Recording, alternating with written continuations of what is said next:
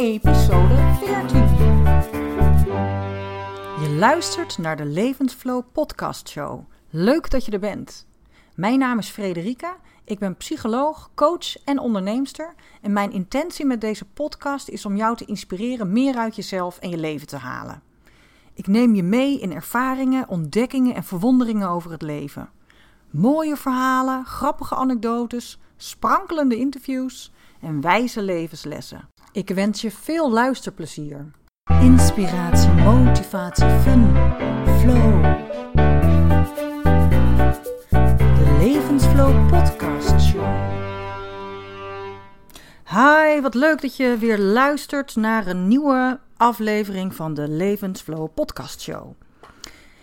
Ik ben hartstikke enthousiast, want ik ben mijn werkdag super grappig begonnen. Ik zat om tien voor negen op kantoor en meestal voordat ik aan mijn werkdag begin, dan doe ik nog even een korte meditatie om lekker bij mezelf te komen, de ochtendstress van thuis achter me te laten en eigenlijk in te tunen ook op de mensen die ik ga zien, zodat ik helemaal er voor hen kan zijn. En ik wilde dat vanochtend eigenlijk net gaan doen toen de telefoon ging. En het was een nummer wat ik niet kende. Een 06-nummer. En ik dacht, ja, ik neem toch maar op. Want het kan een uh, nieuwe cliënt zijn. Of het kan een cliënt zijn die uh, een afspraak heeft vandaag. Die misschien af moet zeggen. Dus ik nam niks vermoedend de telefoon op. En toen hoorde ik net nog eventjes voordat ik mijn naam uitsprak. Ze heeft ook een podcastshow. En het bleek dus iemand van de radio te zijn. Van uh, NH Radio. En die vroeg mij, of die gaf eigenlijk aan van, nou, er was vandaag een artikel over bore-out in het AD. En wij hebben straks in de radio-uitzending van June tot 12, dat is een presentatrice op NH Radio, uh, gaan we het hebben over bore-out. Van wat is dat nou en wat is het verschil met een burn-out? En nu hadden we jou gevonden en zou jij daar iets over kunnen vertellen? Zou jij geïnterviewd willen worden, zometeen in de uitzending? Dus ik gaf aan van, nou ja, ik heb om kwart over negen een afspraak, want dan staat er een cliënt op de stoep. En dit zou om tien over negen, a kwart over negen zijn. Dus ik zei, ja, dat gaat dan eigenlijk niet lukken. Toen zei ah, maar het is echt maar twee, drie minuutjes. Toen dacht ik, nou weet je wat, het is toch ook wel weer heel tof. En ik heb daar inderdaad wel iets over te vertellen. Dus ik app die cliënt om aan te geven dat als hij voor de deur staat en ik doe net niet open, dat dat komt omdat ik dan nog in een radio-interview zit. Dus zo gezegd, zo gedaan. Dus ik werd inderdaad om 9 over 9 gebeld en kwam toen direct live in de uitzending van NH Radio bij die June tot 12. En ik moet je zeggen, juist omdat het me zo overviel, um, ja, uh, ging het gewoon eigenlijk wel. Ik heb er verder niet zo heel erg over nagedacht van tevoren. Ik heb eventjes mijn artikel wat ik een keer over geschreven heb bij de hand gepakt, zodat ik daar in een zenuwen aanval eventjes op terug kon grijpen. Maar dat was eigenlijk niet eens nodig. Ik kon het gewoon zo uit mijn mouw schudden. En um, het leuke was, het was inderdaad echt drie, vier minuutjes. Dat ik na afloop, of dat was eigenlijk nog niet zo leuk. Maar um, uh, ik uh, kreeg daarna weer de redacteur aan de lijn die mij nog even wilde bedanken. Maar ik drukte al weg. Want ik dacht, oh ja, nou ja, uh, dit was het. En toen dacht ik, oh ja, ik bel toch nog even snel terug. Dus toen belde ik hem nog even terug. Toen zei ik, ja, sorry, ik drukte jou ineens weg, want ik was een beetje um, in de zenuwen. En ik heb natuurlijk zometeen ook een cliënt die op de stoep staat. Die had inderdaad ook gebeld op het moment dat ik in het interview zat, want ik hoorde mijn telefoon overgaan. Uh, maar hij zei: Nee, ik wil je gewoon nog eventjes hartelijk, hartelijk bedanken en je fijne dag wensen. En ik vroeg me af uh, of we jou misschien vaker kunnen vragen, benaderen als we iets hebben waar jij iets over zou kunnen zeggen als, uh, vanuit je expertise als psycholoog. Ik zei: Ja, dat kan natuurlijk. Hij ja, want je praat wel lekker makkelijk en nuchter, dus dat spreekt ons wel aan. Dus, nou, kijk, die kan ik weer in mijn zak steken. Dus het was een goed begin van de dag. En waarom vertel ik je dit nou? Nou, onder andere omdat ik het gewoon heel leuk vind om te vertellen. En dat het leuk is om nou, dat je iets over mij hoort. Een beetje een persoonlijk verhaaltje. Ik word er zelf heel enthousiast van. Maar de reden waarom ik het ook vertel, is omdat ik het in deze podcast graag met je wil hebben over perfectionisme. En uh, we zijn als mens namelijk, of heel veel mensen, vrouwen met name, hebben vaak last van een sterke perfectionist. Uh, die willen het graag goed doen, zijn bang om te falen. Um, ja, dat. En waar waarom kom ik er nou op in deze podcast? Of waarom noem ik nou dit voorbeeld? Nou, eigenlijk om diverse redenen. Omdat ik natuurlijk in het interview het heb over bore-out en burn-out. Nou, dat, als je kijkt naar burn-out en bore-out overigens ook. Uh, dat heeft heel vaak te maken met, of tenminste, daar speelt heel vaak perfectionisme een rol in. En bij de burn-out is het zo dat perfectionisme vaak ervoor zorgt dat je maar doorgaat en doorgaat en doorgaat. En ja, eigenlijk vindt dat je de lat nog hoger moet leggen, want het moet allemaal perfect. En bij de bore-out gaat het onderschatten mensen zichzelf vaak en durven ze eigenlijk niet zo goed verder, omdat ze bang zijn dat ze zichzelf niet goed genoeg vinden. En hun eigenlijk twijfelen aan hun eigen kwaliteiten, laag zelfbeeld hebben. Ja, heeft dat nou ook met perfectionisme te maken? Nou, dat, daarbij kan perfectionisme ook een rol spelen. Want als het, je, hè, je kunt eigenlijk niet iets anders doen, omdat het anders niet. Je mag het alleen maar doen als perfect is. En daarmee kan perfectionisme je ook echt heel erg daar houden waar je nu bent. Uh, en ervoor zorgen dat je in je comfortzone blijft. Want als je daaruit komt, dan kan het nooit meer perfect zijn. Dus nou, dat is een reden waarom ik het voorbeeld van de, het interview aanhaalde. Omdat ik het daar dus in het interview ook over heb. Interview, ik noem, ik noem het interview alsof ik uren aan het woord ben. Maar het is toch wel even leuk om daaraan te refereren. En nog een reden waarom ik het erover heb, is omdat het interview zelf niet perfect ging. Nee, ik werd om tien voor negen gebeld, zeg ik je net. En nog geen twintig minuten later zat ik in die uitzending. Nou, dat was echt een beetje. Dan moet je wel je perfectionist loslaten. Want mijn perfectionist had natuurlijk al lang gezegd: Nou, dat kan je niet maken, want dit moet je goed voorbereiden. Je moet je over nadenken. Dat moet je op papier zetten, want je moet goed beslagen ten ijs komen. Daarom vind ik het juist zo leuk dat ik het wel ben gaan doen. Want het hoeft dus niet perfect. als je uh, goed is goed genoeg als je je verhaal duidelijk kunt maken. En misschien juist wel, sterker nog, misschien is het juist wel goed dat mijn perfectionist geen ruimte heeft gekregen vlak voor dit interview. Want daardoor kon ik er veel ontspannender ingaan en maakte ik me van tevoren eigenlijk niet zo heel erg druk. Dus dat is eigenlijk wel heel erg fijn. Um, ja, perfectionisme. Wat is nou eigenlijk perfectionisme? Ik praat lief. Je hoort vaak mensen zeggen: Ik ben heel perfectionistisch. Um, nou, misschien als je vaker podcasts van mij hebt geluisterd, dan, of dingen, blogs van mij gelezen hebt, dan praat ik liever niet over ik ben heel perfectionistisch, maar ik heb een perfectionistische kant. En ik werk vaak vanuit de theorie van voice dialogue. En voice dialogue gaat over de psychologie van de ikke. Gaat erover dat je als mens allerlei verschillende kanten in je hebt. En een van die kanten kan zo'n perfectionist zijn. Maar er is ook een kant die uh, misschien af en toe de boel lekker de boel kan laten. Of een sloddervos is. Uh, of weet ik het. Of in sommige situaties ben je heel perfectionistisch, maar in andere niet. Dus ik praat liever over ik heb een perfectionistische kant dan ik ben perfectionistisch.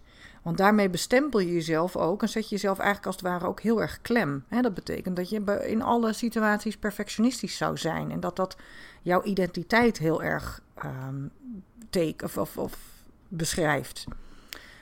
Soms is het ook wel lastig om dat te onderscheiden. Uh, ik had gisteren bijvoorbeeld een wandelcoach-sessie met een um, vrouw en we waren heerlijk aan het wandelen in Middenduin.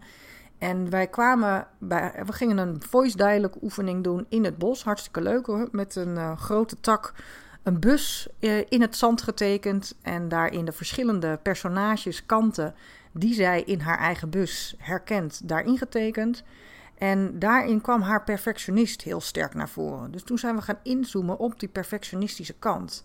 En zij gaf ook wel aan van, ja, toen zij, hè, dan vraag ik van, kan je eens in die positie gaan staan en kan je eens voelen uh, hoe het is om die perfectionistische kant helemaal op te laten komen. En iemand die kruipt als het ware helemaal in die kant van die, die perfectionistische kant in dit geval. En zij gaf aan van ja, het, het, is eigenlijk heel moeilijk om onderscheid te maken tussen wie ik ben en die perfectionistische kant. Want het voelt eigenlijk heel erg als ikzelf. En dat is wat er vaak gebeurt als een kant heel erg sterk ontwikkeld is en heel erg voor in jouw bus zit. Voor in de bus zitten jouw kanten die heel sterk ontwikkeld zijn, die je mee hebt gekregen van thuis uit, of die juist gestimuleerd zijn van thuis uit, of die je uh, ontwikkeld hebt om jou te beschermen in je vroege jeugd. En achter in de bus zitten veel meer de kanten die uh, weggestopt zijn of die er niet mochten zijn, zelfs verstoten zijn. Nou, in haar geval zat dus juist voor in die bus een enorme perfectionist. En ik maak dat veel, heel veel mee. Met name vrouwen die last van burn-out en stressklachten hebben. Het graag heel graag goed doen. De lat hoog leggen voor zichzelf die hebben een sterke perfectionist. Die zit voor in hun bus. Maar het mooie is, op het moment dat je het kunt gaan zien als ik ben niet die perfectionist, maar het is een kant van mij, dan kan je er automatisch al wat meer afstand van nemen. Want dan kan je er dus naar gaan kijken als een kant van jou waar je niet mee samenvalt, um, maar waar je ook afstand van kan doen. En als er een perfectionistische kant in jou is, dan zijn er ook nog allerlei andere kanten in jou. Terwijl als je zegt, ik ben een perfectionist, dan is het nog weer wat lastiger om te zeggen, ik ben ook een sloddervos. Want die twee die kunnen niet zo heel erg makkelijk samengaan. Terwijl als je een, een, een, perfectionistische kant hebt en een sloddervos kant hebt, dan kan het veel makkelijker situatieafhankelijk zijn. Um, dus bij die uh, situatie van gisteren in dat bos met die bus, gingen wij ook op zoek naar een kant die veel, eigenlijk een beetje tegenover die perfectionist staat. En in, in dit geval was dat een hele lichte, vrolijke, spontane kant. En um, die spontane kant die zat echt ver weggedrukt in die bus. En dat was ook eigenlijk best wel heel treurig en verdrietig. Want die spontane, lichte kant, die kon eigenlijk zo vanaf die achterbank dat hele tafereel voor in die bus bekijken. En die zag ook dan naast die perfectionist nog een pusher en een pleaser staan. En een control freak en een hele zelfstandige kant. En die zat dat van een afstandje te bekijken. Maar die kreeg maar geen ruimte om voor in die bus te komen. Terwijl die lichte, spontane, vrolijke kant wel zag wat het die persoon zou opleveren als zij wat meer ruimte zou krijgen. Als die lichte, spontane, vrolijke kant wat meer naar voren zou kunnen komen.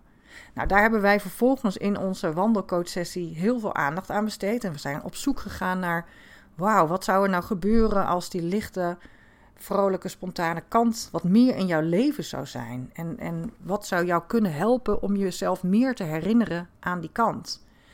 En daar kwamen hele mooie dingen naar voren. Waar we verzonnen een koosnaam voor, voor die spontane kant. Zodat op het moment dat zij heel serieus in haar leven zou zijn. of merkte dat ze eh, weer in die perfectionistische kant schoot, dat ze eigenlijk bij die humor kon komen van die spontane kant. Van Sjaan Spontaan hebben we ervoor van gemaakt.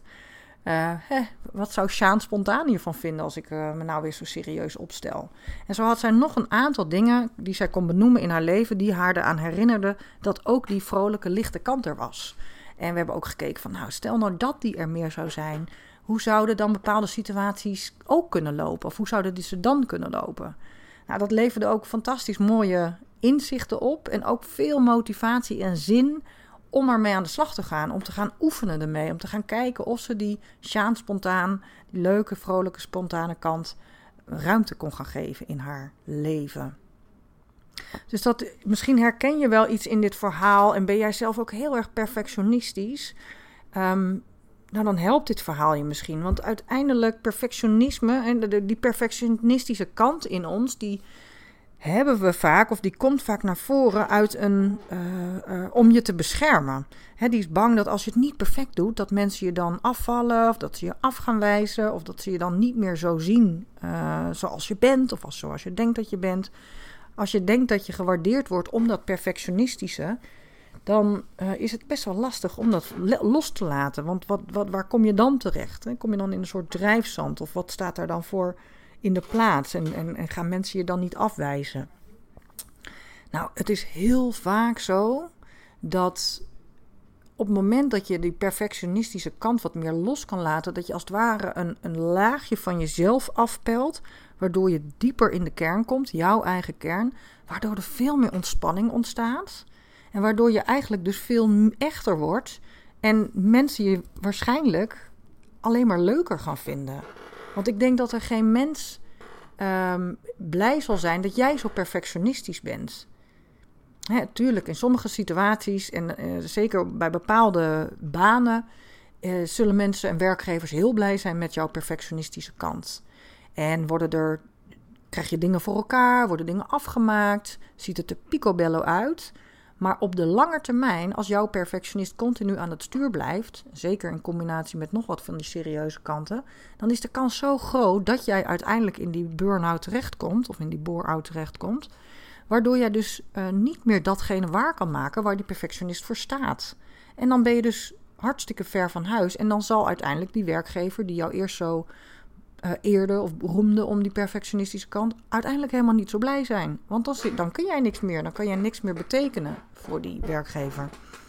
Um, waar je niet bang voor hoeft te zijn, en wat ik hoor dat veel mensen wel bang voor zijn, is ja, maar als ik die perfectionistische kant loslaat, dan, dan wordt het misschien één grote chaos en dan krijg ik dingen niet meer voor elkaar. Kijk, het is niet gezegd dat jij jouw perfectionistische kant van 10 naar 0 moet schroeven.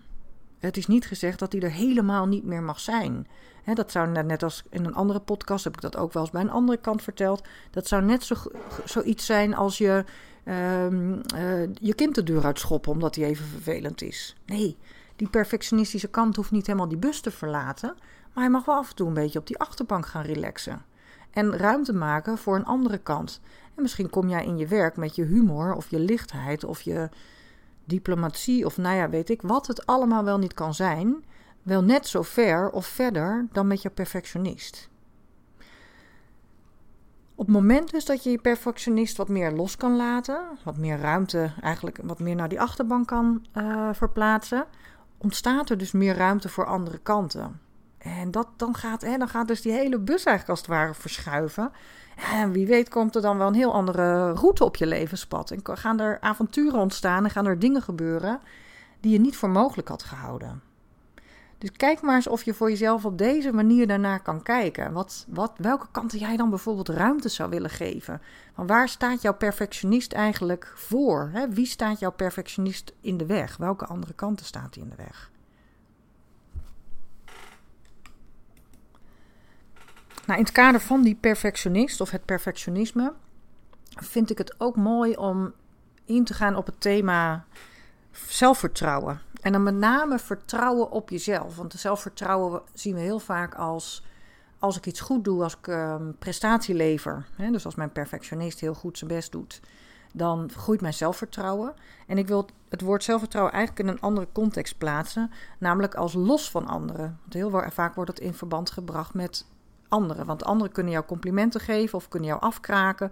En dat versterkt of verkleint jouw zelfvertrouwen. Maar als je letterlijk naar het woord zelfvertrouwen kijkt, dan gaat het over het, het feit dat jij vertrouwen in jezelf hebt. En nu is het zelf uh, nog wel een lastig begrip van wat is dan dat zelf? Maar als je kunt vertrouwen op uh, dat wat jij bent, wie jij bent en dat jij een goed mens bent en dat je het met de beste mogelijkheden het beste probeert te doen in dit leven, daar ga ik over het algemeen wel vanuit bij mensen. En zeker bij de vrouwen die ik uh, in mijn coaching zie, of ook mannen uh, zie ik wel in mijn praktijk. Um, dat zijn mensen die in principe,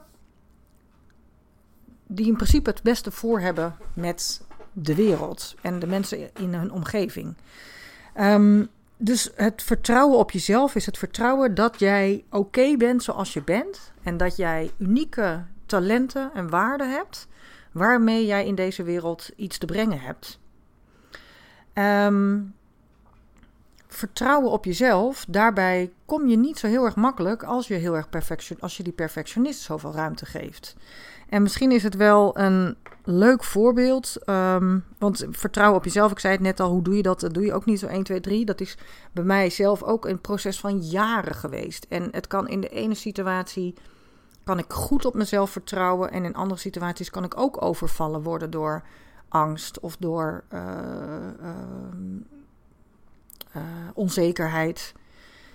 Maar wat ik als voorbeeld wil geven, waarin het vertrouwen op mezelf. En ik vond dat zelf, ik noem het als voorbeeld omdat ik daar zelf was ik er verbaasd over.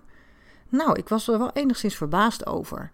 Ik had afgelopen weekend 20 en 21 september, vrijdag en zaterdag, had ik de aftrap de, van mijn halfjaarprogramma voor vrouwen, leiderschap, lef en levensflow. Dat is een heel tof halfjaarprogramma waarin we een half jaar lang met een groep van in dit geval acht vrouwen aan de slag gaan met thema's als uh, je dromen en verlangens ont, uh, ontdekken, je drijfveren, wat zou je echt willen in het leven, maar ook vooral de diepere laag van Um, bij jezelf komen, je eigen keuzes maken, die ik-sterkte waar ik het eigenlijk net over heb, dat vertrouwen op jezelf te vergroten en echte keuzes te maken die vanuit jouw kern kloppen. De, de ondertitel is ook stoere stappen zetten vanuit jouw kern. Dus eerst de kern opzoeken, maar vervolgens wel in de actie komen om jouw stappen in de wereld te gaan zetten, datgene wat jij wilt. Nou, dat programma, daar begonnen we afgelopen vrijdag en zaterdag mee. En ik had de afgelopen maanden, maanden allerlei eh, gesprekken natuurlijk daarvoor gehad, intakegesprekken. En ook mensen die al een traject waren bij mij gesproken van, goh, zou dit een mooi vervolg onder, of, uh, vervolgprogramma voor jou kunnen zijn? En zo had ik dus een groep van acht vrouwen die aanstaan afgelopen vrijdag en zaterdag zouden starten met dit programma. Ik kende ze allemaal stuk voor stuk fantastisch mooie, uh, krachtige vrouwen. Ik was ook super trots als ik bedacht van wauw, dat jullie het vertrouwen in mij, of mij het vertrouwen geven om jullie te gaan begeleiden dit half jaar. Was ik echt super trots op en ik had er ontzettend veel zin in. En donderdagmiddag had ik nog een nazomerfeest van mijn zoontje op de BSO. En s'avonds zou ik zelf al naar het hotel vertrekken. Want we hadden een tweedaagse in een hotel in het bos. Echt een heerlijke plek. En um, ja, ik, ik zat zo een beetje te denken van... Vorige keer had ik een groep van vier. En ik heb wel eerder andere groepen gehad... waarbij um, de nadruk meer op het één op één traject lag. En dan hadden we ook een aantal uh, dagen met elkaar. Twee dagen met elkaar, maar dan zonder overnachting. En dat waren ook wel groepjes van vier, vijf. Maar ik had eigenlijk nooit een groep van acht vrouwen gehad. En um, ik, rationeel, rationeel bedacht ik mij... Oh ja, hier zou ik best eens even heel zenuwachtig over kunnen gaan worden. Want ik heb geen idee hoe ik het ga vinden om dan ineens acht vrouwen voor me te hebben. Ik heb vroeger bijvoorbeeld wel eens een training gegeven. Dat is echt jaren geleden. Voor de Volksuniversiteit in Amsterdam werd ik echt op het laatste moment gevraagd door een collega die het niet kon gaan doen. Kan jij deze? Dat was een hele training van acht weken. Acht weken elke week moest ik een training geven, s'avonds. Uh, op een, nou ja, wat, maandagavond, ik weet het niet meer precies. Uh, de groep bestond al. Ik had geen idee waar ik aan begon. Zij had het programma gemaakt en ik moest dat zeg maar in een week tijd overnemen en gaan, uh, gaan doen. Persoonlijke vaardigheden of persoonlijke ontwikkeling. Geen flauw idee waar ik aan begon. Maar ik zei ja, het was ook nog zwaar onderbetaald. Dus ik dacht echt, waarom doe ik dit? En dat was dus een hele gemeleerde groep van mensen. Um, en in die training is er op een gegeven moment een keer gebeurd dat iemand mij ten overstaan van iedereen of twee vriendinnen waren het eigenlijk, die deden toen samen mee, behoorlijk af heeft staan kraken. Ze hadden toen allebei zelf een, een uh, bijeenkomst gemist. We waren pas bij bijeenkomst drie of zo en ze hadden de tweede gemist. En zij verweten me eigenlijk dat het voor hen niet duidelijk was. En dat werd op een heel onaardige manier gebracht. Oh, en ik uh, uh, heb daar echt met een bek vol tanden gestaan. Ik heb daar op zich nog best goed op kunnen reageren. Maar het was wel een, een klein traumaatje, om het zo maar te zeggen. Um, en je zou kunnen denken dat zo'n klein traumaatje er best voor zou kunnen zorgen dat je het best wel spannend vindt om voor een groep te staan. Ik heb later ook les gegeven bij hogescholen. Uh, ook niet de, minst gemotiveerde of de meest gemotiveerde studenten. Bijvoorbeeld eerstejaars studenten van een jaar of 17, 18. Nou, daar heb ik ook echt best wel situaties meegemaakt dat ik dacht, wat doe ik hier? Waarom probeer ik jullie iets bij te brengen wat jullie eigenlijk toch helemaal niet willen weten? Dus mijn vraag, hè, dat, dat zou rationeel allemaal bij me op kunnen komen van, ja, uh, het zou best wel kunnen zijn dat ik dan morgen voor die groep sta. En dat het niet blijkt te klikken. Of dat ik geen connectie met alle acht kan maken. Want als ze dan ineens met z'n achter zijn, dat dat, inderdaad, dat dat ineens heel ingewikkeld wordt. Eén op één gaat dat prima, maar hoe is dat dan met, uh, met z'n allen? Dat waren allemaal dingen die rationeel door mijn hoofd gingen. Maar er gebeurde. Het, het, het grappig is, want ik, ik zat ergens nog wel te wachten op een soort van lichte paniek of zenuwen of nou ja, weet ik wat allemaal. Wat je zo kunt hebben voordat je iets spannends gaat doen. Voordat je bijvoorbeeld een sollicitatie hebt. Maar ik had zo'n uh, vertrouwen in het programma ten eerste. Want dat heb ik helemaal zelf van A tot Z samengesteld met alle kennis en wijsheid en, en, en, en liefde en passie die ik de afgelopen 20 jaar in mijn uh, carrière heb ontwikkeld. In de afgelopen 15 jaar ondernemerschap heb uh, samengesteld. En um, het, het, voor mij klopte dat programma gewoon helemaal. En daarnaast vertrouwde ik dus ook op mezelf. Ik dacht, ja, ik heb er alle vertrouwen in dat het goed komt. En, en dat is misschien wel uh, de kern, ik vertrouwde erop dat als het niet goed zou gaan. Want ik heb wel even nagedacht van stel nou dat iemand mij kritiek gaat geven. Net als die twee meiden die dat toen tien jaar geleden bij die training hebben gedaan. Wat, wat gaat me dan gebeuren? En toen dacht ik ja, maar wat ik nou juist in deze training ga leren, is dat we niet perfect hoeven zijn. En dat we in gesprek kunnen met elkaar. En dat als er feedback of commentaar is of er zit iets dwars, dat we daar van mens tot mens over leren praten. En dat je vanuit ook kwetsbaarheid kunt aangeven wat iets met je doet. En dat het mijn intentie, dat, daarom wist ik dat het niet fout kon gaan. Mijn intentie was om daar ehm, alles van mezelf te geven, maar er ook vanuit puurheid en echtheid in te zitten. Dus dat alles er mag zijn. Dus ook enigs, hè, dus er mag ook twijfel zijn, er mag ook onzekerheid zijn, er mag ook, maar ook van mijn kant, maar dus ook van die ander, uh, andermans vrouwskant in dit geval. En nu ik je dit allemaal zo vertel, is het niet zo dat dit nou allemaal letterlijk zo door mijn hoofd ging. Het was vooral een gevoel en een vertrouwen dat het wel goed zou komen. En ik kon elke keer weer intunen op dat vertrouwen. Want dan is er natuurlijk een perfectionistische kant die probeert daar nog eventjes tussen te komen. Die probeert je mij wijs te maken van nee, maar ik zou er toch eventjes uh, bij stilstaan dat het ook fout kan gaan. En dan. Maar ik liet dat eigenlijk niet toe, want die andere kant was sterker. Dat vertrouwen was sterker. Ik dacht, kom maar op, het komt wel goed. En eigenlijk heb ik die, dat gevoel, die flow, de hele twee dagen vast kunnen houden. En dat maakte dat het een fantastisch mooie training kon worden. En ik heb zelfs s'avonds bij het diner op, die, op vrijdagavond, het einde van de eerste dag, heb ik dit verhaal ook verteld. Ik vertelde van, nou, ik was eigenlijk helemaal niet zo zenuwachtig, maar dat kwam ook. Ik heb er echt wel bij stilgestaan dat dat kon komen. Maar ja, ik had er gewoon zoveel vertrouwen in, ook vooral zoveel plezier en zin in. Uh, dat het geen ruimte kreeg. En toen zei ik voor de grap nog, nou, zal je zien dat ik morgen met een paniekaanval wakker word als we dag 2 gaan beginnen. Maar dat is niet gebeurd. um, uh, en sterker nog, ik kon weer intunen op dat heerlijke gevoel van we hebben, ik heb er zin in en we gaan er met z'n allen iets geweldig moois van maken. En het was, uh, en ja, wat wil ik er nou mee zeggen? Dat dat dus ontzettend helpt om uiteindelijk bij het echte te komen. Bij het waar het echt over gaat. Want perfectionisme is eigenlijk een angst. En angst staat vrijwel altijd tussen jou en geluk. Of tussen jou en flow. Of tussen jou en succes. Of tussen jou en creatie. Um, dus op het moment dat je in dit geval de perfectionist of de angst kunt parkeren en ruimte kunt maken voor iets wat daar tegenover staat, in dit geval vertrouwen op jezelf of vertrouwen, vertrouwen, uh, dan kunnen er dus hele mooie dingen gebeuren. En nou, dat heb ik niet alleen dus bij mezelf in die tweedaagse gezien, maar ook stuk voor stuk bij die acht vrouwen die meedoen, die uh, konden laten, hè, als zij vanuit hun perfectionist er allemaal waren gaan zitten, dan hadden zij niet de dingen durven delen die ze nu hebben gedeeld. Dan hadden ze niet de muurtjes durven afbreken die er nu al in twee dagen uh, afgebroken werden. En nou, ik heb dingen zien gebeuren die echt heel erg mooi waren. Juist doordat we die perfectionist. En we hebben, ik heb het niet eens zo benoemd. We hebben het niet eens specifiek over de perfectionist gehad. Maar we hebben het uh, wel, ja, wel gehad over wat er kan zijn, wat er mag komen.